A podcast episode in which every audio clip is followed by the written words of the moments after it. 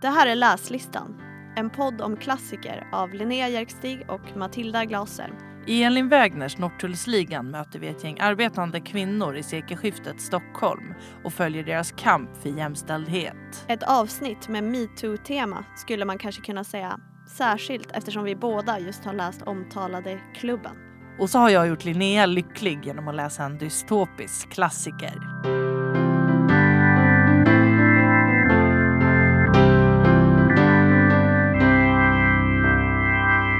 Hej och välkomna till Läslistan. Hello!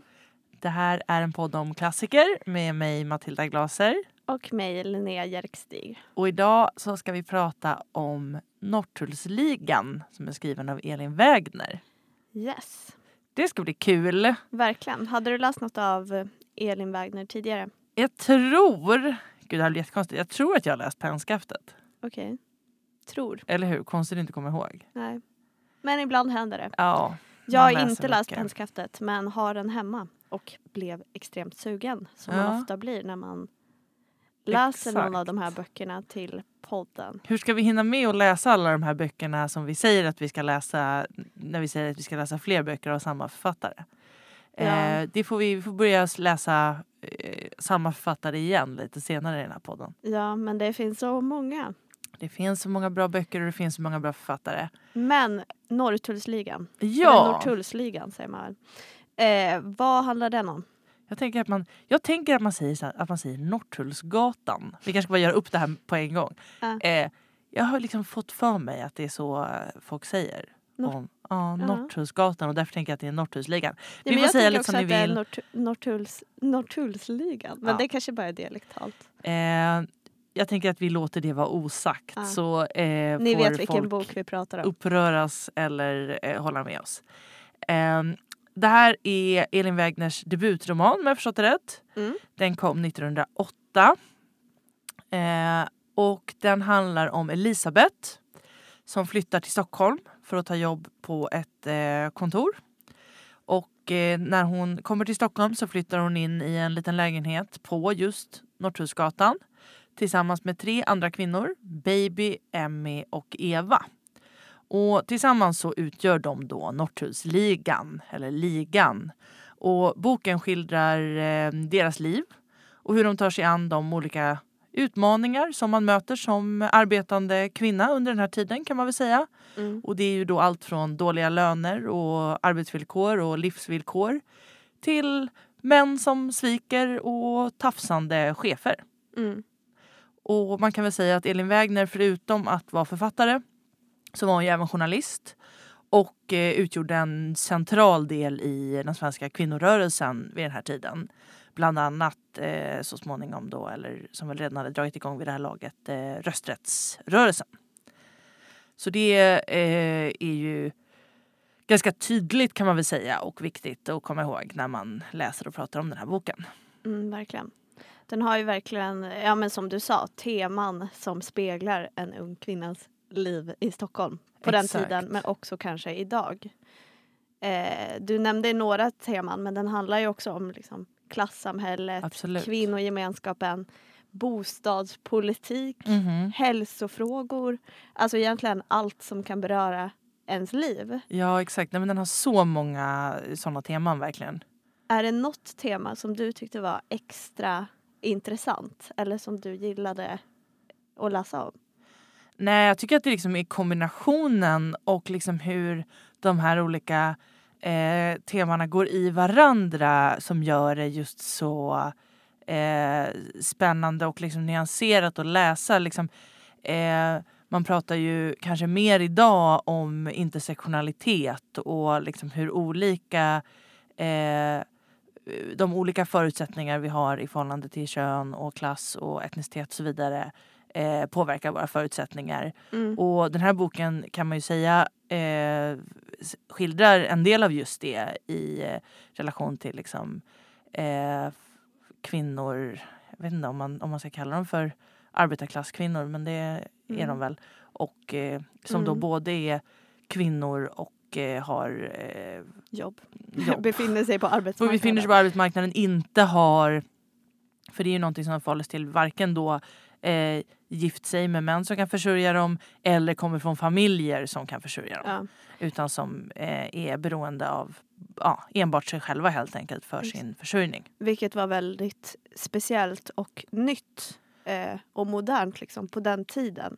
Vi skulle kunna berätta lite, eller prata lite om hur det var på den tiden. Och det var ju så här, kvinnor fick arbeta och betala skatt. Mm, Men de fick inte rösta exakt. eller ha någon röst. Och även om de fick arbeta så möttes man ju av stort motstånd på Ja. arbetsplatsen eftersom där var eh, mer män som inte tyckte att kvinnor ska arbeta såklart. Ja. Utan de tycker liksom att männen ska försörja dem och det här är våran plats och vi kan det här bättre.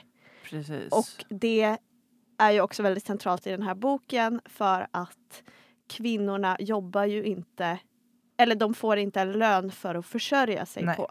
De får ju tjäna ju betydligt mindre än männen. Absolut. Och det finns en chef i den här boken som beskriver det här eh, som att nej men kvinnor eh, får ju inte sin lön till försörjning utan det får de för att kunna köpa det här lilla extra. Just Som det. handskar och parfymer och vad det nu kan vara som man Mm. vill ha i livet. Precis, och, och det är ju väldigt tydligt i de här kvinnornas liv att de löner som de tjänar, dels så får de ju inte ha vilka jobb som helst utan de är ju sekreterare eller Ja. motsvarande. Och de lönerna som de tjänar räcker ju eh, knappt för att eh, klara sig helt enkelt. Utan dels så lever de ju tillsammans då i den här, två sovrum har de fyra kvinnor och eh, sparar och köper gårdagens bröd och Ja. sparar på fotogenet och liksom jobbar övertid och ja, har det helt enkelt, ja det går inte ihop Nej. helt enkelt. Nej för grejen är ju att de har ju inte ens råd med mat. Nej, De har råd med eh, bröd typ som de Precis. doppar i kaffe. De och det är ju inte riktigt mat. nej, nej exakt. Nej så, det, så livsvillkoren är ju inte tillräckliga. Kvinnorna får arbeta men de får ju inte arbeta med förutsättningarna som de har för att försörja sig. Men Nej. det här är ju också någonting som de här kvinnorna eh, reagerar på och eh, ser problematiken i även om Mm. de är eh, ganska eh, i det här skedet liksom ganska maktlösa i att göra någonting åt det. Mm. Eh, men eh, de... Eh, en, De, en- har ju, de har ju som en liten rörelse också där Exakt. de planerar för att genomföra en strejk. precis. Men då möts de ju också av det här problemet. Så här, hur ska vi kunna strejka när vi är så utbytbara? Exakt. Och vi behöver ju de här pengarna för annars kan vi ju inte fysiskt överleva. Precis. Och som sagt, har inte rösträtt och det vet vi ju som läser den här boken i efterhand att de får vänta ungefär tio år till då Mm. innan, innan kvinnor får rösträtt och kvinnorörelsen får liksom de stora eh, viktiga genomslag som har tagit oss dit vi är idag. Mm. Ja, men eh, den, en känsla också som man får när man läser den här boken är ju också att det inte har hänt så himla mycket sen dess. Alltså det är klart att det har hänt mycket.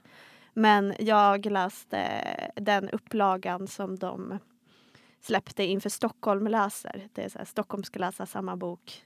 Alltså, och så väljer man en bok per år. Mm. Och jag tror att den här boken blev det, vad kan det vara, 2011 tror jag. Ja, 2011. Och då eh, skriver Annika Lantz ett fördo- eh, förord till den upplagan. Och då inleder hon med att beskriva hur mycket som har förändrats sedan den här tiden. Mm. Och typ hur kvinnorna har fått det bättre och har det jättebra. Och jag kände när jag läste det här förordet att jag blev mer och mer arg. Och kände Mhm. så här, det här stämmer ju inte. Varför ljuger du? Typ. Och blev, alltså jag blev väldigt arg. Okej. Och sen bara vänder hon förordet och så skriver hon okej, jag ljuger.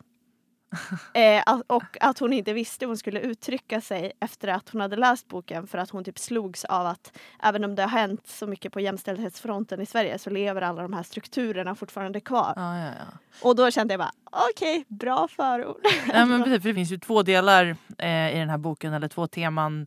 Då som det ena är det här med liksom hur kvinnor inte kan jobba med vad som helst och inte kan tjäna en dräglig lön. Och det är klart att där eh, lever vi i ett annat samhälle idag. Även om det såklart fortfarande finns eh, stora löneskillnader mellan eh, könen. Men däremot den andra delen av det som jag var inne lite på när jag pratade om eh, beskrev boken som är till exempel vad de här kvinnorna utsätts för på sina arbetsplatser eh, Mm. av de manliga eh, kollegorna eh, som eh, då behandlar om sexuella ofredanden och övergrepp av olika slag. Bland annat det kopplar ju tydligt i med eh, metoo-debatten som vi haft på senare år till exempel. Mm. Ja, absolut. Och det kan man ju känna igen sig Alltså framförallt sent 10-tal. Ja. Liksom. Jag såg en film igår eh, som heter Bombshell. Mm. Eh, som handlar om eh, Fox News. Jag vet inte om du kommer ihåg det här. Eh, Fox News chef Roger Ailes tror jag han heter. Som eh, eh, ett antal eh, kvinnliga nyhetsankare och programledare på Fox News gick ut och vittnade om de övergrepp som han utsatt dem för. Mm, mm, vilken tid var det här? Alltså, Det här är alltså 2016. Okej, ja. Så det är precis före Harvey Weinstein. Typ. Ja men precis, liksom, Ja. det är strax före eh, själva metoo-rörelsen drog igång. Och eh, det är ju eh, väldigt mycket liksom, som man känner igen i den beskrivningen och också i såklart alla vittnesmål som eh, kom under, under metoo-rörelsen i hur de här männen, det är framförallt en man som eh, Elisabeth då kommer i eh, kontakt med eh, hennes chef som, ja men liksom hur de både så här, kan lova bättre villkor om Mm. kvinnorna går med på vissa saker, kan hota om uppsägning, om eh, sämre förutsättningar om man inte går med på det.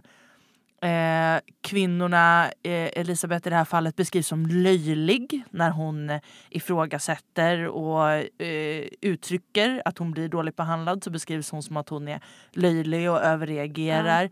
Eh, och- Känner man ju igen. Alltså, och, och precis, och, men också att den här mannen ganska snabbt svänger och blir så här, åh förlåt och liksom börjar och nästan plötsligt i handen som behöver tröstas Mm. eh, för de eh, liksom, Övertramp han har exakt som han Mm. själv har gjort. Mycket av det där tycker jag känns som liksom tydliga eh, som man känner igen väldigt tydligt från olika vittnesmål från metoo-rörelsen. Så det är ju mm, intressant och kanske ganska deppigt att tänka på.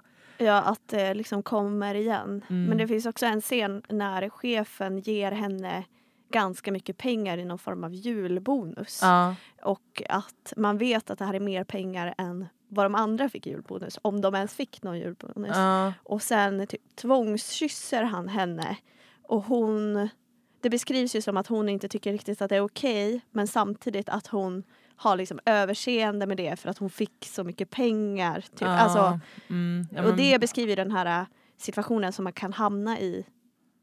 Eh, och man tycker inte att det är okej men man kan inte säga till Ja. heller. Man kan inte säga ifrån. Nej, hon är ju i en extrem beroendeställning till honom såklart, Exakt. som hennes chef. Och, men det är intressant för att det är, liksom, det är ju en, också en väldigt liksom, eh, problematis... Alltså det, det, beskrivningen är ju problematiserad också i det att eh, Elisabeth har liksom väldigt blandade känslor till den här chefen. Ja. Hon har ju också en... Eh, och jag hade svårt att greppa vad det här egentligen var. Men det beskrivs ju som att hon också har en dragning till den här chefen stundtals. Och stundtals så är det ju väldigt tydligt att det rör sig om situationer som hon inte eh, alls eh, vill vara i helt Nej. enkelt. Men jag tänker att det är lite så här eh, ja, men klassiska känslor som man kan få som ett offer. Mm. Att man, att man inte vill se sig själv som ett offer och då försöker man rättfärdiga det genom och ibland tänka att man tycker om honom eller att man är intresserad.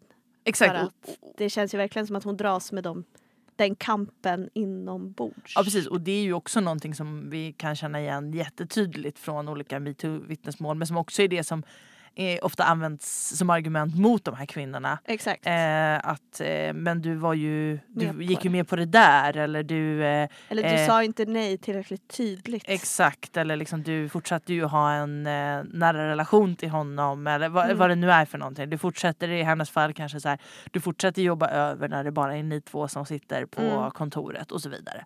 Ja men just det här bara, du fortsatte ju träffa honom efteråt. Ja, är ju ett tydligt argument mot eh, ett offer. ja, Men samtidigt så förstår man ju det så himla väl. Att man vill ju bara att allt ska bli normalt. Typ. Ja, och hur ska ja. det kunna bli normalt om man inte försöker ha en relation till den personen. Mm. Typ. Men andra saker också som jag tycker man känner igen sig eh, i idag är ju typ bostadspolitiken och så här att alla har svårt att hitta boende, det är Ja. väldigt dyrt och det är väl det är väl främst i Stockholm men det är ju ändå så i hela Sverige just nu. Men också eh, ja, men den här känslan i alla fall som man har i mediebranschen. Jag vet inte Mm. riktigt hur det är i andra branscher men i mediebranschen så är det ju väldigt mycket så här du är utbytbar, Mm. du får korta kontrakt, ganska dåliga villkor ibland och sådär.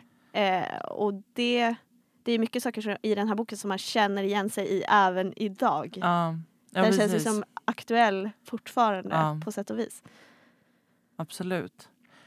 Eh, och idag liksom så kanske vissa har den där tryggheten. Jag tänker liksom på, som du säger i, i mediebranschen som vi båda två jobbar i så finns det en jättestor skillnad om du har en fast anställning eller inte till Mm. exempel.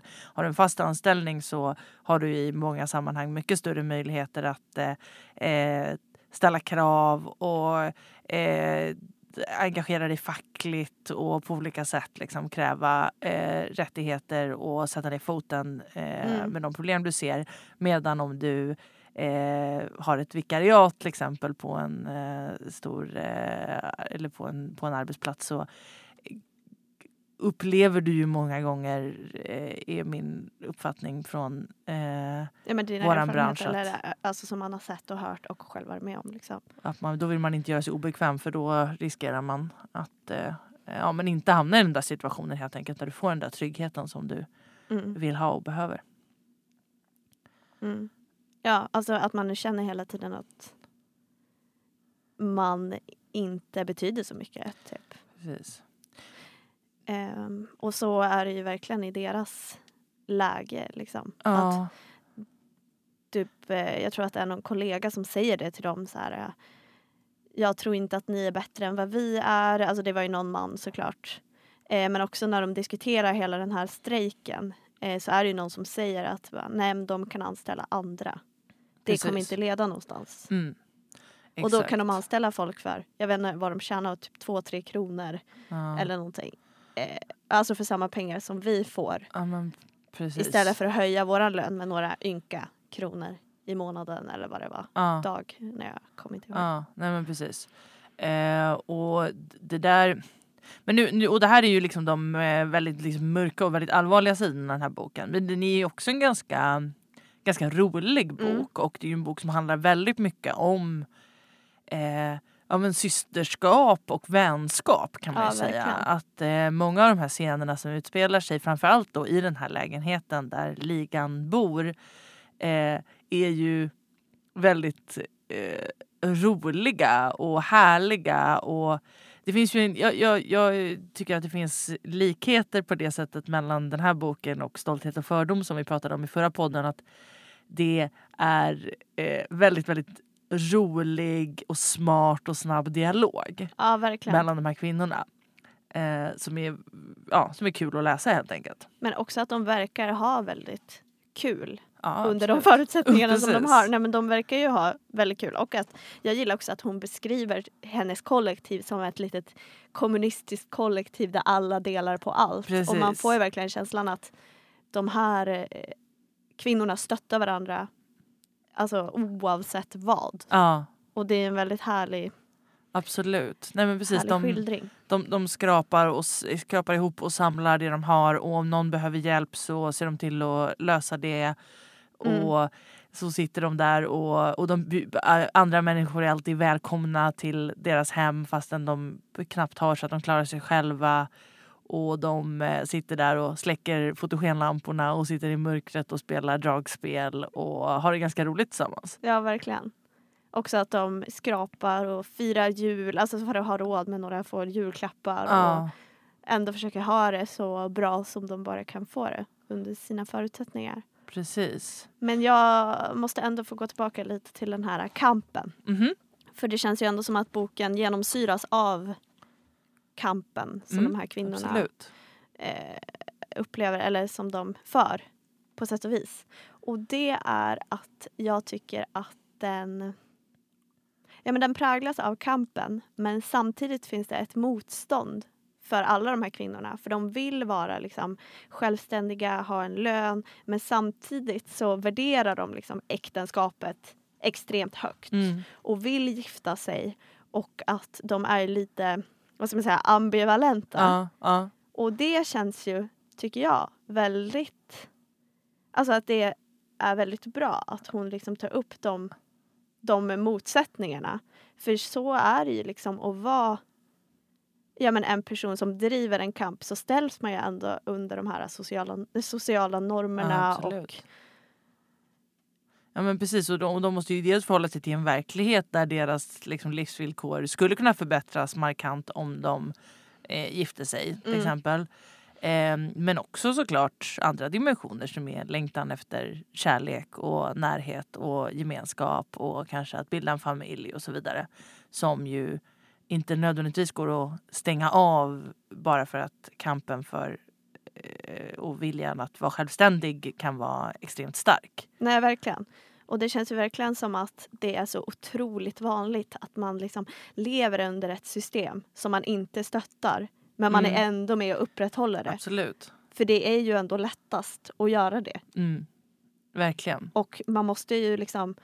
Eh, det ställer ju så höga krav på en själv och ens eget liv om man ska följa eh, alltså sin övertygelse till punkt och pricka. Man måste ju ge upp ganska Ja, mycket. absolut. Absolut. Och, men sen har vi också de här andra kvinnorna som vi inte får möta lika mycket. De flesta kvinnor vi får möta i den här boken är ju just de här självständiga, självförsörjande, kämpande kvinnorna. Men det finns ju bland annat en kusin är det va, till Elisabeth. Hon som gifter sig. Ja precis, som lever under helt andra förutsättningar än vad hon gör. Dels så kommer hon från en eh, rik familj. Hennes, eh, Elisabeth har alltså en, eh, släktingar som bor på Strandvägen. Som beskrivs som ja, men väldigt rika och eh, välbeställda på alla sätt och vis. Och dottern där i den familjen som väl är ungefär jämnårig med eh, de här kvinnorna. Mm. Eh, som dels då, och även mamman i den familjen då som ja, men liksom inte har några yrkesarbetarambitioner, vad vi får se i alla fall. Och, eh, men, men där finns det ju, det, det är ju det som också är intressant, att där får vi också se det. Liksom, att det då ger man ju...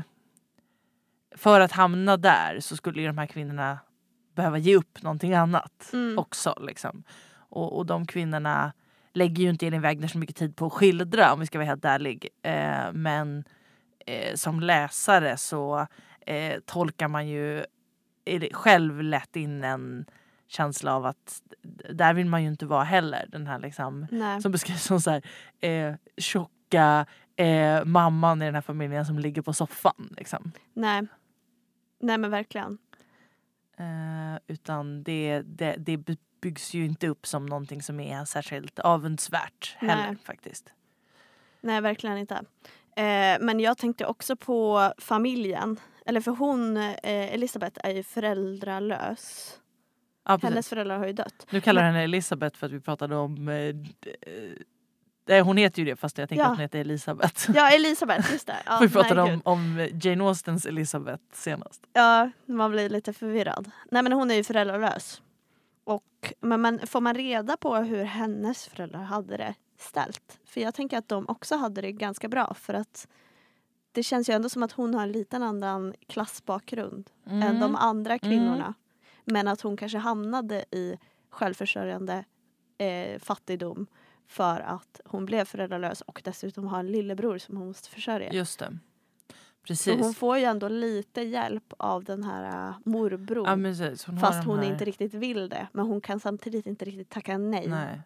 Nej precis för det beskrivs ju redan tidigt i boken att hon hade möjligheten då att flytta in hos den här familjen. Så att hon har ju fattat ett beslut om att hon hellre lever det här livet Mm. än att eh, eh, vara beroende av den familjen med allt vad det innebär. Eh, men ja, nej jag håller med, jag tror inte att det framgår. Men ja, ja, du, man får ju intrycket av att hon överhuvudtaget i hon, hur hon för sig och hur hon uttrycker sig, att hon kanske kommer från en eh, i alla fall liksom eh, eh, Annan bakgrund Ja, än lite de mer andra. eh, ja, Än till exempel Emmy. Som liksom är totalt, hon är totalt utarbetad Ja. både fysiskt och psykiskt. Hon är den äldsta av dem men jag tror att hon är typ så här 38 år gammal eller något sånt där. Så att hon men är i huvudet så känns det som att hon är typ 67. Ja exakt. För hon ligger ju på sjukhus också en större del av boken. Ja, eh, på grund av den här ut, ja, men utmattningen ja. som hon har drabbats av. Undernärd och utarbetad Och i får, jag, 38 års ålder. får jag läsa en sak som hon säger då som Mhm. jag tyckte var otroligt bra. Hon ligger där på sjukhus och jag vet inte om hon håller på att dö eller om alla tror typ att hon håller på att dö. Nej, det är inte supertydligt. Nej, men det är något sånt. Och då säger hon så här. Eller nej, det är inte hon som säger det. Det är eh, Elisabeth som tänker. Om det hade varit jag som legat där, tänkte jag, skulle jag knutit mina händer i vanmäktig förbittring. Jag skulle vägrat att dö. Jag skulle bett att veta med vad rätt man lät mig förmöta mitt liv som en maskin och slängde mig på skräphögen när verket var utslitet. Ja, precis. Och, och, och till skillnad från den liksom, tanken där hon har den här kämpaglöden kvar Mm.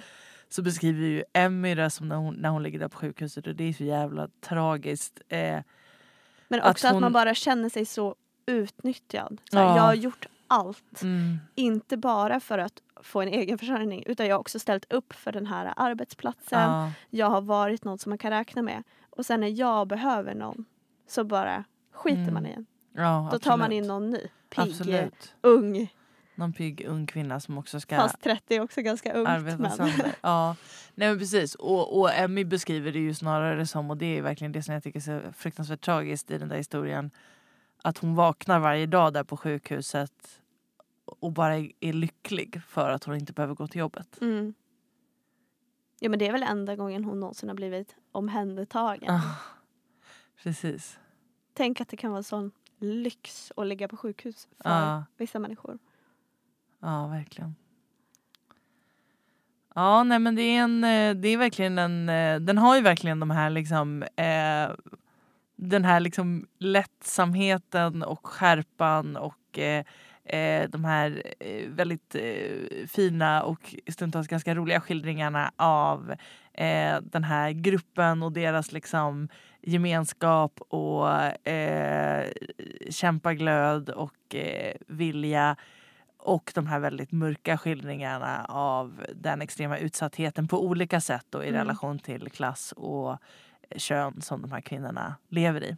Men det är väl därför det, den blir bra. För att det Ja. blir alltså flera olika eh, nyanser och olika motsättningar och att det ändå finns det här glada så man orkar Mm. med det här tunga, alltså kämpiga livet. Liksom. Precis. Och med tanke på att den här boken är typ 120 sidor lång så är ju det otroligt maxat. Ja, att hon, hon, lyckas ju med otroligt mycket. få in så mycket och följa de här kvinnorna ändå under en ganska lång tid. Liksom. Mm.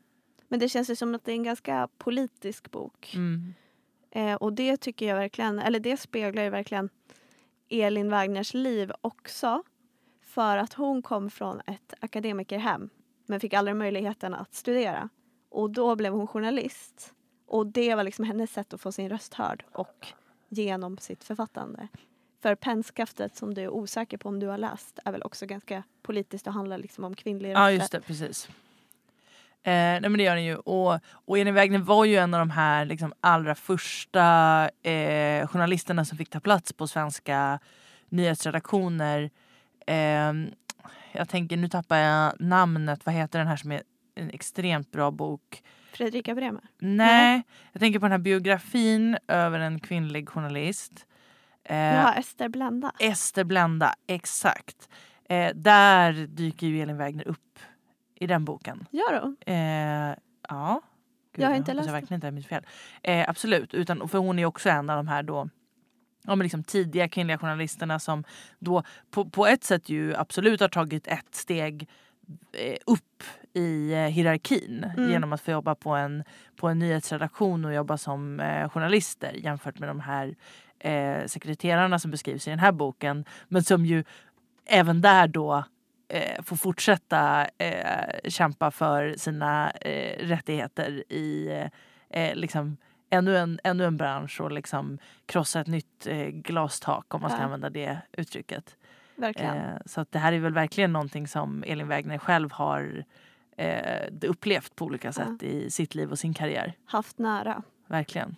Men eh, vi kan prata lite om Elin Wagner också. Hon var ju ledamot i Svenska Akademin. Mm.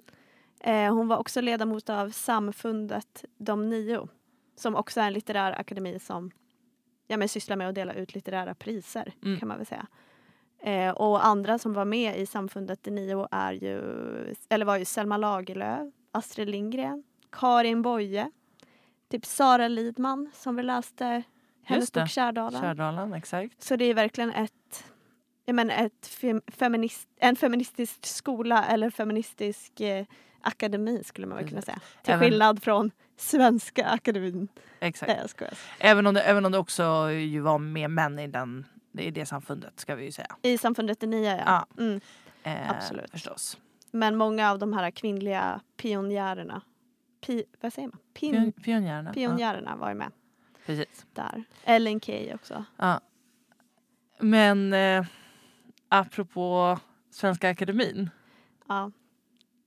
så har vi ju båda läst en annan bok. Klubben Precis. av Matilda Gustafsson. Eh, ska jag berätta lite om den? Gör det. Eh, men man kan säga att Matilda Gustafsson som då är journalist på Dagens Nyheter. Mm. Eh, det var ju hon som liksom eh, ja, men granskade Svenska Akademin. Mm. Och den här boken tar ju avstamp i den granskningen. Mm. Eh, och där, i boken fortsätter hon liksom att undersöka den här eh, ja, men Svenska Akademin och den svenska kultureliten Precis. på ett ännu djupare plan än vad man har fått om man har läst hennes tidigare bevakning. Precis. Eh, och i boken så intervjuar hon flera av de kvinnorna som utsattes eh, för sexuellt våld av kulturprofilen. Eh, och det som ledde till att akademin egentligen föll ihop inför öppen ridå. Precis. Och, och liksom ytterligare utöver att man får veta mer om. Dels så berättar ju Matilda Gustafsson eh, eh, man får ju liksom följa henne också mycket. Hennes arbete med den här granskningen och eh, både före och under och efter publiceringen av det här stora, eh, stora reportaget som eh, blev början till hela krisen i Svenska Akademin Just och den svenska metoo-rörelsen kan man väl säga.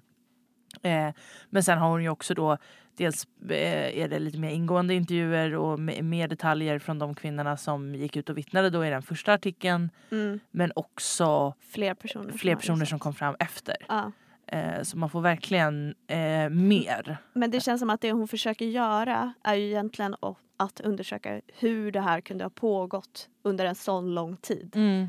För hon tar ju upp det här med att ja, men Svenska Akademin och eh, den ständige sekreteraren eh, för länge sedan, Mm. alltså inte Sara Danius då utan way back, hade informerats om hans beteende och Just övergrepp. Mm. Men att man bara lät det rinna ut i sanden eller blundade för det. Och Ja. fortsatte ge honom massa pengar till sina klubbar och allt vad han hade. Liksom. Precis. Eh, Men och- det som var roligt, får jag, får Mm. jag komma till det? Mhm, ja, Får jag komma till berätta, det? berätta, Nej men för man tänkte så här. Jag vet allt. För jag har läst allt. Mm, mm. Ja, så man precis. trodde ju inte att det skulle kunna komma så mycket mer. Vi har ju båda verkligen följt eh, den här eh, skandalen ganska ingående. Mm. Eh, Bland annat för att vi har jobbat med den Precis. som journalister. Det kan man ju ändå säga. Ja, absolut. Alltså det kan man bra veta. Och, och det skapar ju dels ett intresse såklart men också att vi vet väldigt mycket. Exakt. Men det som man får veta mer, förutom de här intervjuerna, är ju att hon verkligen går in på både eh, Jean-Claude Arnault och hans fru, akademiledamoten Katarina Frostensons liv. Ja, exakt. Alltså sen de var typ barn. Det är så spännande. Hon försöker, liksom når inte hela vägen fram kanske eh, men försöker verkligen eh, förstå Hur de har hamnat de här de människorna. hamnat. Vilka de är, vad det är som har fått dem att bli de de är och agera så som de har agerat. Och när jag säger att hon inte når hela vägen fram så menar jag inte det som en kritik mot henne utan snarare som ett konstaterande om att kan man någonsin förstå varför Nej. människor är de, de som de är och gör så som de gör. Och speciellt också när det är människor som man kanske har en drivkraft av att inte förstå. Mm. Alltså Mm, för att de begår brott. Liksom. Eller i alla fall en av dem. mm. Eh, men jag gillade också hur hon ja, men beskriver deras relation. ja. För den hade jag inte så bra koll på. Och eh, såklart det bästa, så här, spelet bakom kulisserna. Ja. Hur liksom ledamöterna försöker täcka över det här eller vara öppna med det här som har hänt. Ja. Och liksom bråket där bakom. Ja men precis och även det där som man följde men här får kanske en tydligare eh, liksom helhetsgenomgång av och eh, lite fler detaljer i alla de här olika vändningarna där man först gick ut och sa en sak från Svenska Akademins håll och sen vänder man och så är det liksom spelet fram och tillbaka som till slut slutar med att Sara Danius eh, lämnar som ständig sekreterare Mm. och ja, det, det är extremt spännande. Eh, Jag tycker den här boken var eh, extremt spännande att Mm. läsa. Totalt uppslukande. Ja verkligen. Men också för, som du sa, att jag tycker också att det är jättebra att Matilda håller sig själv eh, eller att hon gör sig själv väldigt, till en väldigt central Ja. del i boken. Absolut. Och att man liksom får följa hennes eh, upplevelser och känslor när hon tar del av allt det här. Mm. Och att hon i början är liksom så här, det kan inte stämma. För det är så sjukt. ja. Och hennes reaktioner och reflektioner kring allt det som händer. Det är Precis. väldigt Det ger ju bra. också en helt, eh, eh, en helt ny infallsvinkel på det som vi ju inte har fått eh, följa i hennes artiklar där hon liksom tar det mer den granskande journalistrollen. Mm. Liksom. Ja, för hon har ju varit väldigt tyst också och inte varit med på några intervjuer och sådär Mm. förrän hon släppte den här boken. Mm.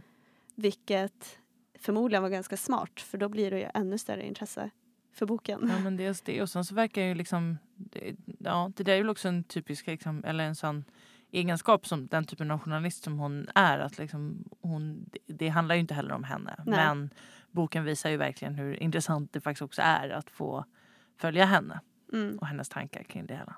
Ja, för det är ju också, alltså även om hon tar stor, del, eh, stor plats i boken så är det ju inte henne det kretsar kring.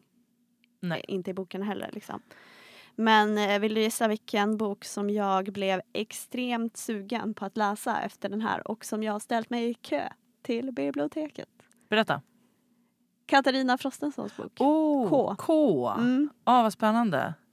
Den kan vi också prata om vid ett senare tillfälle kanske. För jag har hört... Eh, Har du läst den? nej, Nej. Men jag, och jag har hört att den liksom ska vara väldigt bra. Ja. Fast också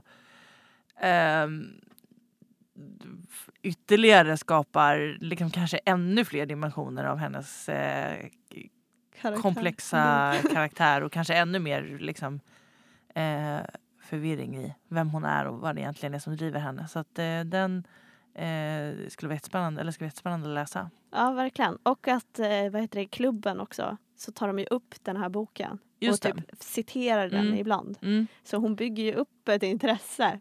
Ja, den. absolut. Vi får läsa den och eh, fortsätta våra metoo-samtal. Ja, verkligen. Det här var en riktig metoo-podd. Sjukt. Eh, och eh, apropå det så eh, tänkte jag, har jag läst en bok som jag vet kommer göra dig otroligt lycklig att höra och som ju liksom eh, kom, kom ut långt före metoo-rörelsen men som ju tack vare en viss tv-serie Vänta, också... får jag bara avbryta här? Ni ser inte mig men jag sitter med ett fånigt jättestort leende och jag är så peppad på det. Ja men precis. Nej men det, den boken som vi pratar om är ju Handmaid's Tale av Mm. eh, Margaret Atwood som är en av Linneas favoritböcker kan man kanske säga. Den är otroligt bra. Absolut. Och som sagt, alltså, eh, Handmaid's Tale tv-serien kom ju också ut i eh, den här vevan. Jag kan inte säga exakt vilket år det var. Men blev ju... Eh, det var ju många som eh, i samband med att den kom ut drog väldigt tydliga kopplingar till vår samtid. Mm. Eh, nu kan inte jag säga på rak arm när Handmaid's Tale kom ut, boken. Nej men det var ju före metoo. Ja, ja absolut. jag läste den typ 2017 tror jag. eh, men men Så den, den har- är ju, den Nej är men ju Handmaid's Tale-boken Ja. kom 85. 85. Ja. Mm. Eh, Men den fick ju som ett uppsving i samband med serien. Just det, såklart. Eh, nej, men jag tänker, det, är, det är ju intressant med den boken på det sättet att det var så många som, och det har ju inte bara med metoo att göra eh, utan eh, det har ju kanske framförallt att göra med eh, för den kom väl ut ungefär i samband med att Donald Trump hade kommit till Exakt. makten och det fanns en massa olika...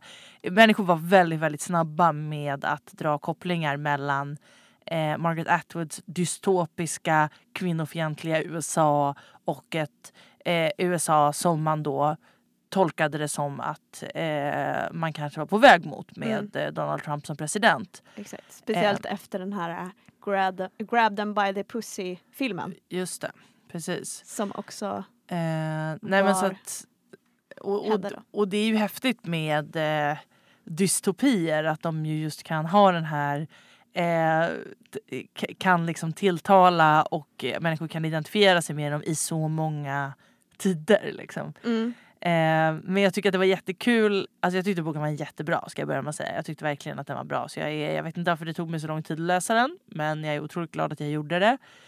Och eh, det var också väldigt kul att läsa den för att eh, liksom läsa det originalet som då skrevs i en annan tid. Liksom. Tv-serien kanske också i sin utformning lite grann präglades av sin samtid eh, Mm. på olika sätt. Eh, men men jag tycker det är en jättebra, jag tycker det var en jätte, jättebra bok. En sak som jag tyckte var intressant, det känns som att det är en ganska sliten bok att, att, att prata om och analysera. Så jag ska inte gå in på något eh, mer ingående i det kanske. Men en sak som jag tyckte var intressant, bara en iakttagelse i jämförelse mellan boken och serien, för jag har ju då sett serien innan, är hur mycket mindre våld, alltså eh, beskrivet, skildrat brutalt våld det är i boken Mm, än vad det är i absolut. serien. Och det där är väl en HBO-grej. Liksom, Mm. Våld och sex i, eh, är ju liksom HBOs framgångsrecept. Och jag är personligen jättekänslig mot det. Jag tycker det är jättejobbigt att titta på ingående våldsskildringar. Ja. Eh, och det har varit en stor utmaning för mig både i Handmaid's Tale, även i Game of Thrones och så vidare. Och jag tycker att det är så fantastiskt med litteratur för att Margaret Atwood lyckas ju skapa precis samma klaustrofobiska Känsla. eh, känsla, samma känsla av Mm. att leva i ett samhälle som är 100% baserat på kontroll utan att behöva beskriva det här brutala våldet. Då pratar jag ju inte om de sexuella övergreppen som Nej. ju är centrala i boken såklart, som ju är centrala i det här Men samhället. Tortyren. Men tortyren, exakt. Det är ju massa olika grejer som händer i serien som inte i alla fall inte skrivs ut i eh, boken. Och det tycker jag är så fascinerande att i litteraturen att man inte behöver göra det utan att hon ändå lyckas måla upp eh, en precis lika eller kanske ännu starkare känsla Mm. av hur ett sånt här samhälle eh, är uppbyggt. Ja, men för när, man, när jag läste den där boken så kände man verkligen att det typ så kröp i hela kroppen och att man mår illa. Alltså att man får fysiska reaktioner på Ja, någonting som verkligen. man läser. Men eh, det här med våldsskildringar, du har helt rätt. Men om inte jag minns fel också så är ju första eh, säsongen av serien lite mindre våld Ja. än när HBO får lov att gå lös totalt. Så är det och det nog. bara blir svinmycket tortyr och äckel. S- Så är det nog absolut. Men det finns vissa specifika våldsscener som jag tänker på ändå i även i den första boken. Ja, Eh, jag kommer inte riktigt ihåg. som, jag, som inte är med i och de jag inte blandar ihop säsongerna. Men jag, jag får i alla fall den känslan och det är väldigt intressant tycker jag. Mm. Eh, men det var jättekul att, att, att läsa och nu kan jag ju bara sälla mig till kören som säger läs den. Även om ni har sett serien. Den se, första säsongen av serien ligger ju väldigt nära Ja. i handlingen. Men eh, det gör absolut ingenting. Och i synnerhet inte om man som jag såg serien första säsongen när den kom ut så har det ju gått några år sedan dess också. Men ibland tycker jag att det är ganska skönt att läsa eller att se saker där man redan vet vad som kommer hända. Mm. För att alltså, vissa hatar ju spoilers.